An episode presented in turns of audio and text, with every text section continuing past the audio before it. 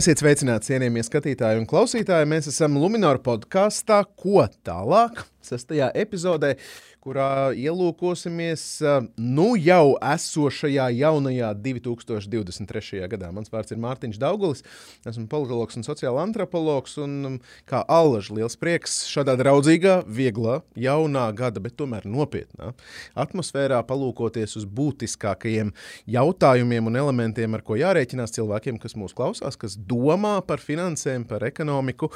Un šodien mums sarunu studijā Luminor vadītāja vadītāja Latvijā Kerli Vares. Labdien! Labdien! Un Pēteris Strautiņš, Luminor galvenais ekonomists. Labdien! Dien. Uh, sākšu ar tādu, nu, mēs nevaram izvairīties no tā pārejas mirkļa. Uh, Vecais, jaunais gads, jaunais, jaunais gads, pīrāgam, nabagam, abi gala apdeguši, vai nekā sāksim tā, turpināsim šie teicieni. Nu, kas no iepriekšējā gada, ja mēs tā paraugamies, ir nu, jūsu finanšu un ekonomikas skatījumā bijis būtiskākais, kas pavisam noteikti tagad mums atnāk līdzi arī uz nākamo gadu, kas ir tās lietas, kas nepazūd gadu mijā uz burvju mājiņa un tāds vērtējums par bijušo, kas nāk līdzi arī kā nākamais. Kurš ir brīvs sākt, sāksim ar Pēteri. Jā, nu, aizvadītajā, jau aizvadītajā gadā uh, pamanāmākais un droši vien arī svarīgākais notikums bija lielais cenu kāpums. Uh, tas, ka varētu būt liela inflācija, tas bija skaidrs jau gada mijā. Tā bija diezgan liela, 7% manuprāt. Bet uh, nu, to, ka tā varētu pārsniegt 20%, gada otrajā pusē to laikam daudz cilvēku negaidīja, bet tas tā notika. Gads bija sarežģīts. Šis bija gads, kas Latvijas ekonomikai tiešām varēja būt ļoti labs, un uh, tas uh, par spīti cenu kāpumam diezgan daudzsološi sākās ar diezgan strauju ekonomikas pieaugumu. Bet tad uh, nu, skaidrs, ka to sabojāja karš Ukrajinā, Krievijas uzbrukums Ukrajinai, kas ietekmēja ļoti daudz, pastiprināja cenu kāpumu faktiski darīja e, nepieejamas daļu no eksporta tirgiem un, un, un radīja dažādas citas nepatikšanas. Lielo angļuiski saka, disruption, kā, kādu vien var iedomāties, protams, tādā kopējā kontekstā. Um, Kerlī, mūsu podkāstu pievienotā vērtība ir tas, ka mēs, mēs skatāmies uz to kopainu un tad skatāmies caur uh, banku sektoru perspektīvu. Tā banku sektora perspektīvā, kāds ir bijis tas aizvadītais gads, tie lielākie izaicinājumi, varbūt arī tās labās lietas un iespējas, kas parādījās iepriekšējā gadā. Jā, es domāju, ka kopumā diezgan līdzīgi kā, kā ekonomika, ja tā var teikt. Ka, protams, ka tā, um, banku sektors nāca ārā no iepriekšējās Covid. Uh, pandēmijas saistīts, saistītiem izaicinājumiem, kas, kas bankām bija jādara. Mums bija jāiemācās strādāt attālināti un tā tālāk, kā jau visiem pārējiem. Uh, bet, um, Un tad atnāca karš, un, un nu, kā, protams, mums arī specifiski tādā ziņā, ka diezgan daudz sankciju, kas nozīmē, ka bija ļoti lieli tiksim, resursi, cilvēku resursi jāiegūt, lai, uh, lai maksājumus pārbaudītu. Tas nozīmē, diemžēl, arī, ka daži maksājumi kavējās. Uh, klienti, protams, to arī sajūta. Uh, nu, protams, arī Ukraiņas um, bēgļu, uh, bēgļu palīdzība, uh, arī pa, banku pakalpojumu uh, jomā un tā tālāk. Un tā tālāk. Tā kā, uh, tur bija tāds tīri teiksim, mūsu darbībai uh, specifiskie jautājumi, kas nāca iekšā, uh, bet uh, kopumā, ja paskatās uz rezultātiem, tad uh, banku sektoram šis gads būs domāju, gana veiksmīgi beidzies, un, un lielākā daļa bankas uzrādīs esam, savu rezultātu uzlabojumus. Un tas ir, protams, ņem vērā īslaicīgi, jo tas, tas nāk dēļ Euriboru likme kāpšanas, kāp, kāpuma. Uh, uh, kuru potenciāli pēc tam varētu kaut kādi teiksim, nu, zaudējumi kredītos uh, kompensēties nākošajos gados. Bet, bet kopumā es domāju, ka finanšu sektors un arī ekonomika Baltijā ir gana veselīga un, un, un gatava šādiem risinājumiem. Tā kā nevar salīdzināt pret to, ko, kur mēs bijām 2008. gadā. Ja? Tā kā šis, tādā ziņā mēs kā valsts esam ļoti labi iemācījušies no tā un arī institūcijas. Ja mēs paraugamies, tad nu, tas, tas zināmā mērā veselīgums um, apstiprinājies šajā krīžu laikā. Um, nu, kā ar to veselīgumu tālāk, 2023. gadā, zinot, ka nu, tur arī pietiekami daudz izaicinājumu, tad arī šo sarunas fokusu aizvēršam uz nākamību. Mums šeit nav kristāla bumbas, bet mums tomēr ir kādi fakti, tendences, ar kuriem operēt. Nu, ja mēs paraugamies, tad uh, kas Latvijas ekonomikā šajā gadā būtu gaidāms? Mēs paraugamies uz IKP, uz citiem rādītājiem, tad ar ko mēs operējam, ko mēs zinām un ko mēs varbūt nezinām, Pēter. Jā, nu, joprojām cilvēkiem ļoti svarīga tēma ir augstās cenas, bet jāsaka, ka inflācija par lēmu jau ir pamazām aizejoša problēma. Inflācija vēl kādu laiku būs augsta, bet uh, cenu kāpums turpmāk, uh, ja tāds vispār būs, uh, tas nu, droši vien būs vēl uh, dažus mēnešus, tas būs daudz, daudz lēnāks. Tātad uh, cenu līmenis jau ir sasniedzis nu, jau stipri augstu punktu, daudz augstāku nekā iepriekš tika gaidīts eh, šajā brīdī. Eh, bet, eh, bet tālāk straujas kāpums nav gaidāms, ir jau sācies sākušies cenu kritumi. Dažādās interesantās pozīcijās pienāk ar vien vairāk ziņu par apkurses tarifu samazināšanu dažādās pilsētās. Tagad Latvijas gāze nāca ar paziņojumu, ka mājasēmniecībām, kas ir tādi vidēji un lieli gāzes patērētāji, tur būs tarifu kritums par 20-30%. Um, biržās krīt izēvielu cenas, un to mēs īsti veikalos vēl neredzam. Uh, pārtiks izēvielu cenas tieši. To mēs pārtiks veikalos vēl īsti neredzam, bet nu, gan jau kaut kad ieraudzīsim, vismaz nedaudz. Tā kā uh, šī problēma, uh, kas bija tas lielais satraukuma iemesls 22. gadā, tā, tā kā pamazām risināsies. Runājot par IKP dinamiku, tur šīs 23. gads būs eh, sliktāks par aizējošo, kurā pieaugums varēja būt tuvu 2%. Šajā gadā eh, IKP izmaiņas eh, stipri tuvu nulei. Un dažas institūcijas, to skaitā Lunčija, to skaitā Latvijas Banka un Eiropas komisija, prognozē nelielu, nelielu samazinājumu. Tāpēc, galvenokārt tāpēc, ka eksporta tirgos nav īsti laba situācija, jo īpaši koku materiāliem. Un, uh, Jā, es jau minēju, ka cenas turpmāk nu, vismaz strauji vairs neaugs, bet uh, pagājušajā gadā algu pirktspēja samazinājās apmēram par desmito daļu. Uh, ļoti neparasta situācija. Pirms tam desmit gadus bez izņēmuma bija pieaugums. Un uh, šogad uh, vidējā inflācija šogad un vidējais algu kāpums varētu būt diezgan līdzīgi. Līdz ar to pirktspēja tālāk īpaši nepasliktināsies, bet arī neuzlabosies. Tas uzlabojums varētu būt turpmākajos gados, tad tas varētu būt diezgan strauji. Bet tā kā jā, šogad, diemžēl, vidējo augu pirktspēja paliek apmēram desmito daļu zem uh, eh, 21. gada līmeņa, tad uh, privātais patēriņš visdrīzāk samazināsies. Mums tas, eh, ja drīkst uzreiz papildu jautājumu, tas, tas lielais vārds, kas ik pa laikam ir izskanējis, manuprāt, arī mūsu podkāstu sērijā, ko tālāk, uh, recesija kas ar to, kas ap to, varbūt Kerlī var iedot tādu, tādu savu, savu redzējumu par to, kas, kād, kādas runas klīst banku gaiteņos. Nu jā, uh, nu, Pēters jau minēja, ka mēs prognozējam uh, nelielu, bet uh, mazinājumu. Tad, nu, Droši vien te ir jautājums, ko sauc par recesijām. Un es domāju, ka te būs arī diezgan raibs, raiba tā bilde. Dažās nozarēs tā tiešām būs recesija, dažās būs izaugsme un, un nu, daži būs kaut kur pa vidu. Jā. Tā kā nu, Pēters varēs pateikt, varbūt tas vairāk detaļās, kur un kā. Bet uh, kopumā, kā jau es iepriekš minēju, tas nav salīdzināms ar 2008. gadu. Uh, uh, pirmkārt, tāpēc, ka ekonomika ir. Uh, kā, kā struktūrāli mainījusies un uzņēmumi uh, pielāgojusies. Un es tiešām arī uzskatu, ka Baltijas valstīm, es tieši runāju vakar ar.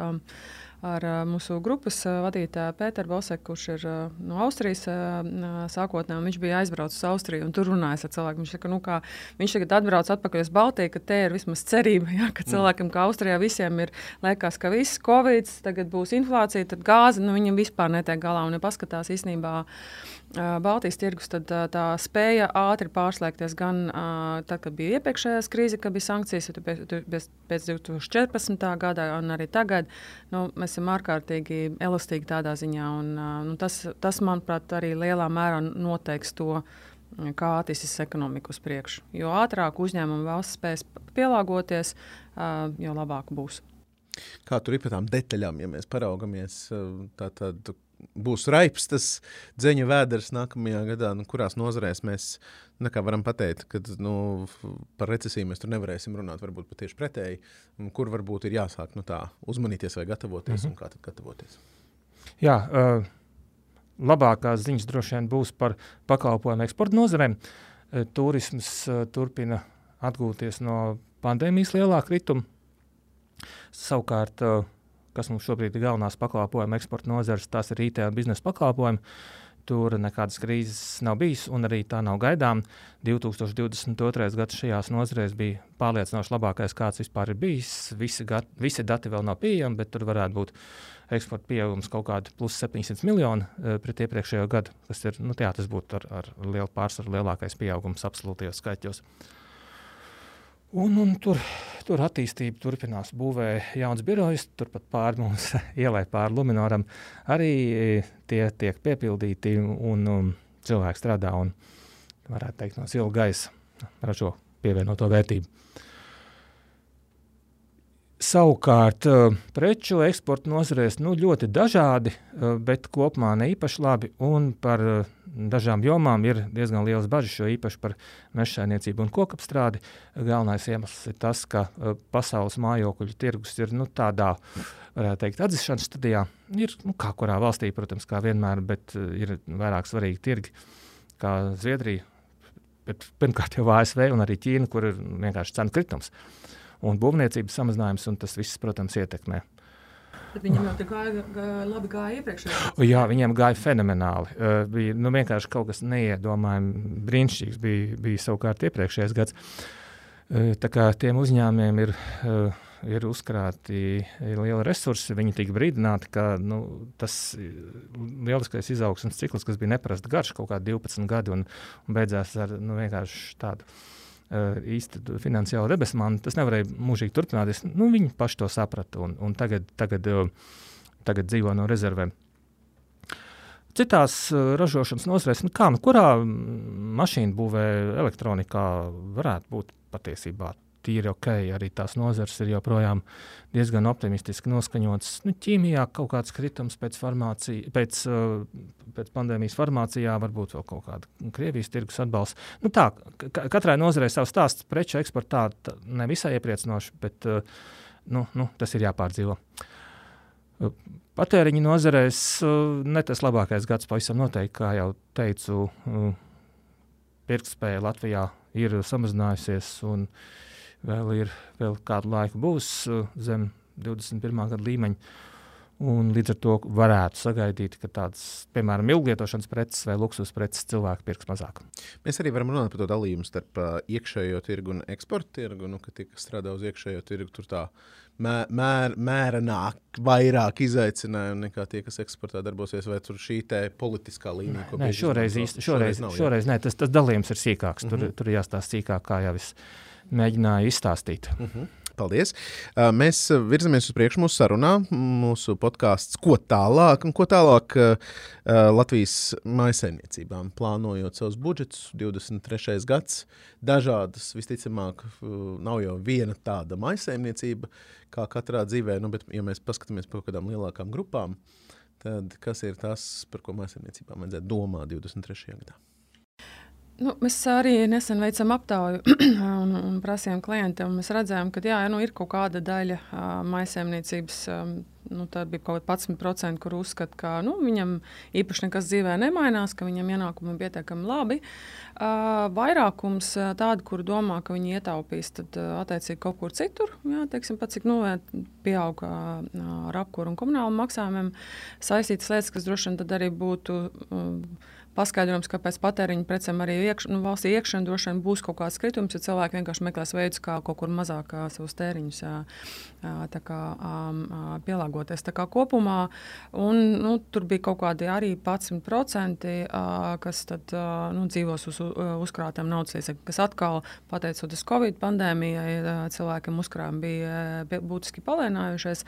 Līdz ar to teiksim, tām, vaira, vairumā maisaimniecību vajadzētu būt spējīgam šai te, teiksim, situācijai, šādai patēriņu pieaugumam un inflācijas ietekmē tikt diezgan veiksmīgi pāri. Un, un vienlaikus es domāju, ka arī algas turpinās kāpt arī nākošu gadu, neskatot, neskatoties uz to, ka kā nav ekonomikas izaugsmes, jo nu, uzņēmums domā, ka gribēs nosakt daļu inflācijas kāpuma dar, darbiniekiem un saviem. Tas nebūs, protams, tie 20%. Droši vien būs aptuveni līdzīgi, kā, kā tas bija pagājušajā gadā, ap 10%. Bet nu, tomēr tad, mazliet uzlabot arī to situāciju ar, ar, ar to nu, kā, pirktspēju līdz gada beigām. Jā, jo teiksim, mēs redzēsim, ka inflācija samazināsies, algas tomēr turpinās kāpt un tad izlīdzināsies tā situācija. Tā kā, Pa lielām es teiktu, ka līdz gada beigām nu, jau vajadzētu būt, kad mēs esam uh, uh, pārkārtojušies tā teikt, uh, un, un tikuši pāri. Protams, tas pieņemot, ka nekas cits jauns nenotiek pasaulē, kas vienmēr var būt. Um, Nu, teiksim, kas vēl var būt tas, tas, ko mēs redzam, arī ļoti daudzi gan uzņēmumi, gan arī uh, mājasemniecība teiksim, un, un cilvēki, uh, ģimenes ir sākuši darīt. Tas ir pievērst uzmanību uz uh, energoefektivitāti, dažādiem zaļiem risinājumiem, vai nu tas ir apkūra vai elektrība vai kaut kā tamlīdzīga, saules paneļiem un tā tālāk. Tā, kā, tā tendence noteikti arī turpināsies. Energo vispār. Politikā, enerģētika kā tāda, energoresursi. Nu, ko mēs zinām par nākamo gadu? Ko mēs atkal nezinām par nākamo gadu. Teiksim, par šīm te energoresursu cenām, resursu dažādību, ko mēs esam iepriekš jau pārkārtojoties, kā arī minēja, sasnieguši un kas ir uz palikšanu.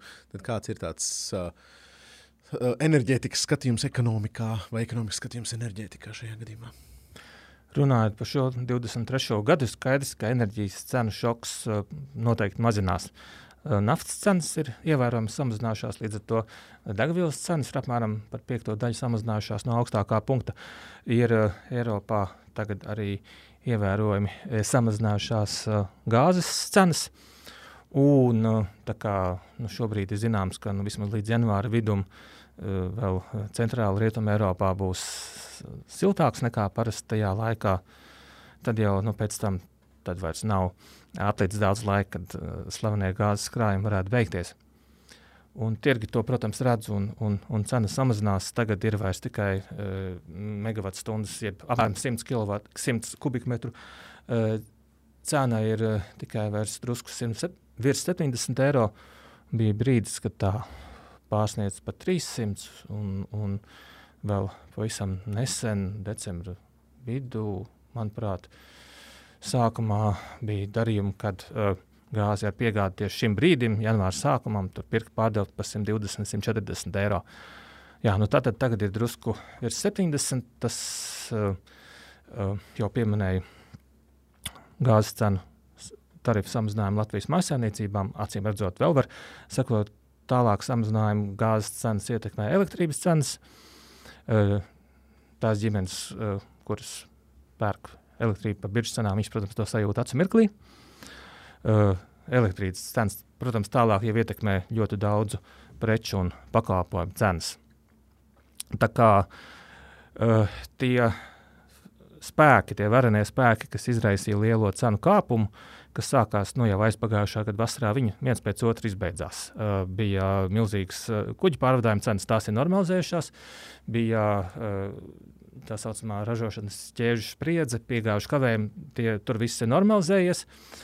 Naftas cenas nu, nav, nav tādas pavisam patīkamas, bet arī nu, nav, nav nekādā ziņā vairs šokējošas. Gāzes cenas varētu vēl būt paaugstināts kādus trīs gadus, bet nu, nu, šķiet, ka netik ļoti paaugstināts, kā, kā gaidījām.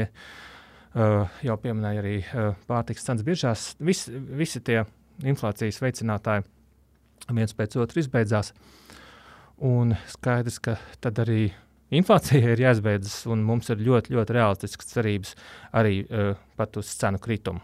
Uh, būs uh, preces, un jo īpaši pakalpojumi, kuriem, protams, cenas turpinās augt, uh, tie, kuru izmaksas pirmkārt veido Latvijas iedzīvotāju darba algas, bet, bet enerģētikā un arī pārtikā atsevišķas ilglietošanas preces varētu kļūt lētākas. Te man uzreiz tas papildu jautājums uz to enerģētiku, raugoties kā tādu.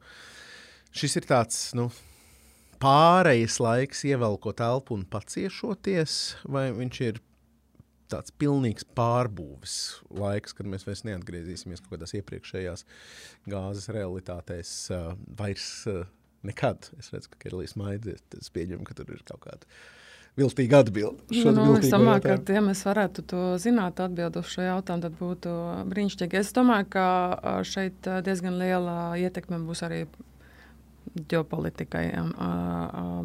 Es es pieļauju domu, ka Baltijas valsts tas būs tiešām pārbaudas jautājums. Mums tā mācība no sava kaimiņa ir bijusi arī vēsturiski pārāk teikt, grūti, grūta un, un lab, cerams, arī labi apgūta. Um, bet nu, skaidrs, ka ir vairākas Eiropas valsts, kur tas, um, kur tas tā nav. Uh, tieši šodien skatījos no rīta uh, statistiku par um, tirzniecību ar Krieviju. Um, šeit visu, ne tikai energo. Uh -huh. uh, tirzniecība, bet, protams, kā energo, efekti, energo um, teiksim, tā, sektoram, arī cenām un cenu kāpumam tam būtiska ietekme. Bet uh, kopumā, nu, izņemot Baltijas valstis un, un pāris Skandināvu valstis, visiem viņiem bija pieaugusi ar Krieviju. Jā, tā tiešniecība ar Krieviju, neskatoties uz sankcijām. Tā kā, tā kā es domāju, tur vēl paies kāds laiks, kamēr, kamēr, kamēr visas Eiropas valsts pārstruktūzēsies. Tomēr šeit es teiktu, tā svarīgi būtu, lai tāds liels valsts kā Francija, Vācija to darītu.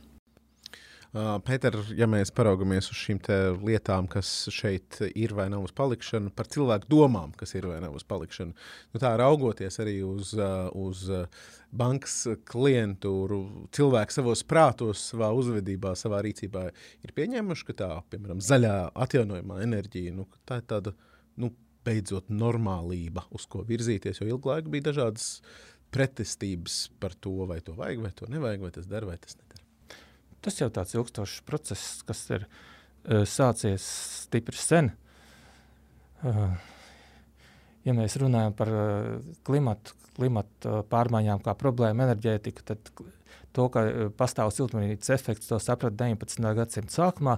19. gadsimta beigās viens zviedru zinātnieks saprata, ka fosilo kurināmo dedzināšana var nākotnē kļūt par problēmu. Uh, tad pagāja vēl daudz desmit gadi, kad nu, teiksim, apziņa par to kļuva nu, tāda nu, daudz maz izplatīta sabiedrībā, politiķu vidū. Tad, kamēr pamazām viss iešūpojas kaut ko darīt, protams, dažādu interesu pretestība. Bet, bet jā, cilvēki domā, maina viedokli, arī maina rīcību. Protams, cilvēku rīcība ļoti, ļoti ietekmē viņa intereses. Tātad cenas un cenas enerģijā pēdējā laikā ir bijušas ļoti augstas. Attiecīgi, jā, varam nešaubīties, ka cilvēki siltina, maina dažādas iekārtas, maina uh, enerģijas, primāro enerģijas avotu. Vairāk mani kolēģi nomainīja uh, no gāzes katliem uz granulu katliem. Uh, Es pats eh, ienestēju diezgan li lielu naudu, lai nomainītu ūdens cirkulācijas sūkņus, kas samazināja apmēram par trešo daļu elektrības patēriņu mājās. Daži mazi struntiņi, kas apēta 40% visas elektrības. Un, uh, jā, siltina bija novembrā beigās smiltenē. Ui, tur, uh, nezinu, katra trešā, ceturtā daudz dzīvokļu māja tajā brīdī tika siltināta. Pēdējā brīdī cenšoties piemine, piemānīt ziemu.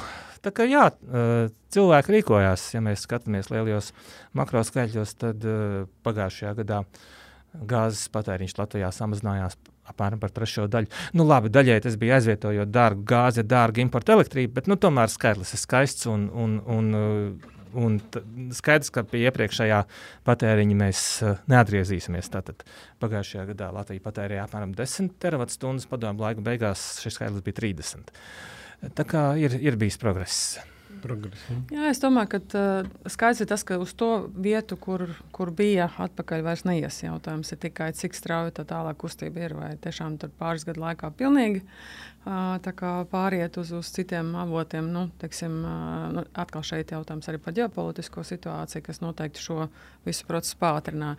Bet vienlaikus domāju, ka un, un to, nu, bankām jau tās prasības ir jau kādu laiku, arvien vairāk to, tās prasības, par, prasības pret, pret saucamas ISG, jeb tā, tā, tā, vide, sabiedrība un, un, un, un pārvaldības jautājumiem. Un, un tās nāk prasības no gan starptautiskas, gan Eiropas regulas diezgan stingras.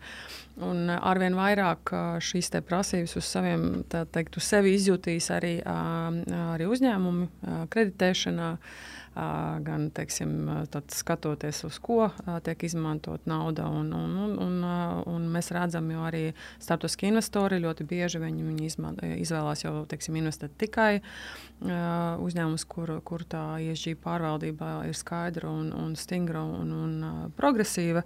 Tā tās tendences ar to, ka tās naudas pieejamības uh, būs arvien mazāk teksim, uzņēmumiem, kas piesārņo vidi, ir diezgan skaidrs. Ja, un tā, tie resursi kļūs arvien dārgāki. Tādā veidā arī motivējot īstenībā investēt un pārorientēties. Kas atgriežas atpakaļ pie tā stāsta, ka šajos laikos lieliem un nopietniem uzņēmumiem, un droši vien arī maziem un nopietniem uzņēmumiem, ir jādomā par savām ilgspējības stratēģijām. Tīri tā iemesla dēļ, ka tas jau kļūst par normālu kreditēšanas un naudas jautājumu, vai ne, kad mēs gribam piekļūt finanšu plūsmām.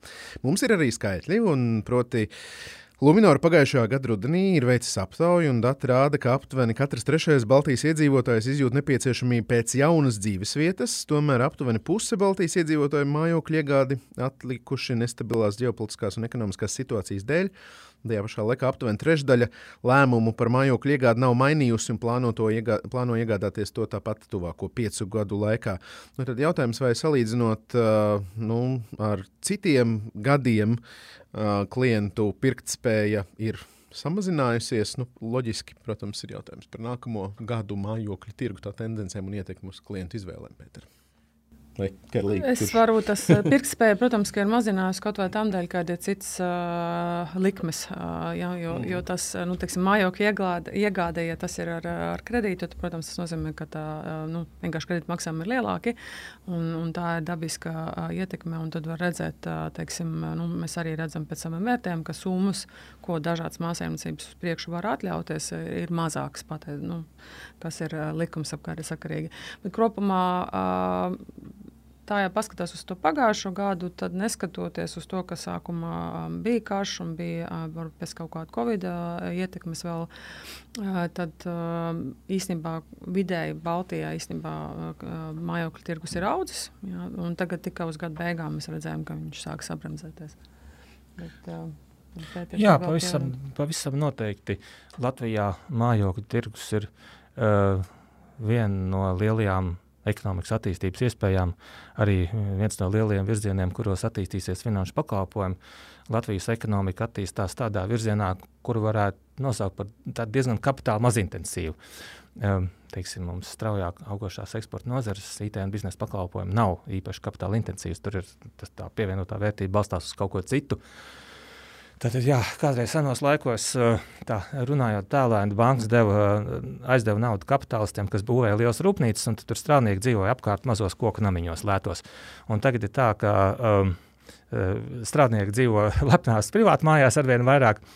Un, uh, dažkārt strādā no šīm mājām, dažkārt brauc strādāt uz birojiem, kuru uzbūvēšana ir salīdzinoši lēta, ja mēs salīdzinām ar investīcijām rūpnīcās. Jā, tā kā uh, mājokļu tirgus attīstīsies arī tāpēc, ka uh, Uh, tas ārkārtīgi daudz ir atkar, atkārtots, bet uh, Rīgā joprojām, manuprāt, tuvu divām trešdaļām iedzīvotāji dzīvo mājās, kas ir uh, padomu laikā būvētās, droši vien nav tās pašas skaistākās un labākās, kas, kas varētu būt kopumā. Tā kā viņiem ir, ir, ir attīstības iespējas. Latvijā mājokļu cenu līmenis ir mērens. Skatoties mājokļu cenu un ienākumu attiecību uh, Latvijā uh, mājokļu pircējiem ir labvēlīgāka situācija nekā caurmērā Eiropas Savienībā. Kaut arī ienākumi zemāki, mājokļu cenas to kompensē ar uzviju. Jo īpaši izdevīga šī situācija ir lielā daļā Latvijas ārpus Rīgas, bet tur atkal savukārt daudz, daudz viet nav, nav, nav augsta ienākuma, nav daudz brīvu darbu vietu. Mēs par šo esam runājuši arī detaļās vienā no pirmajām, ko tālāk Lunčija bankas podkāstu epizodēm tieši par mājokļu tirgu. Tā kā arī šīs epizodes klausītāji var attīt atpakaļ, kā binge-watching saka, taisīt eh, Netflix un eh, paklausīties arī vēl sīkākās detaļās par mājokļu uh, tirgu. Kas ar Eiropas centrālās bankas likmi? Ļoti daudzonīgs jautājums no manas puses. Es pieņemu, nu, kā izskatās vispār ar tām banku likmēm, ne tikai droši vien Eiropas centrālajā bankā, bet vispār pasaules tajā lielo centrālo banku diskursā, redzējumā. Tur iet uz augšu, stāvēs uz vietas, kritīs uz leju.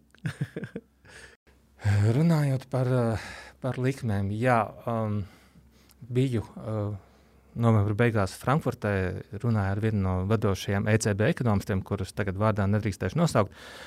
Un uh, pēc tās sarunas uh, tas ECB lēmumi un arī paziņojumi decembrī bija tāds, tāds šmērens šoks.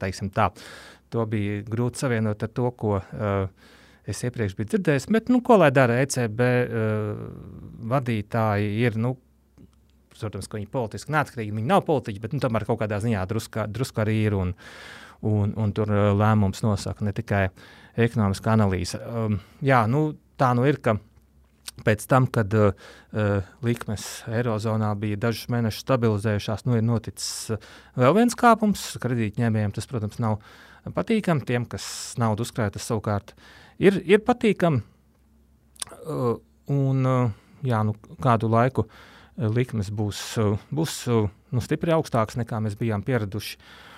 Uh, atkal izējot no ekonomiskās loģikas. Uh, varētu sagaidīt, ka pēc tā kāpuma jau varbūt šī 23. gada beigās, bet 24. gadā noteikti varētu sakot likuma samazinājums, bet vai, vai jā, nu, tur, tur acīm redzot, lomu spēlē ne tikai ekonomiskā loģika eh, lēmumu pieņemšanā es redzēju smaidus šīs sarunas laikā. Tad, eh, kas, ir tas, kas, kas ir tas, kas nu, mums rada to sajūtu, ka mēs kā, saprotam, bet reizēm nevaram, nevaram paredzēt. Nevaram paredzēt jā. Pēdējais kāpums bija jau mazāks, jā, kā, ja mēs runājam par Eiriboru nekā iepriekšējais, tā kā 0,75% vietā 0,5%.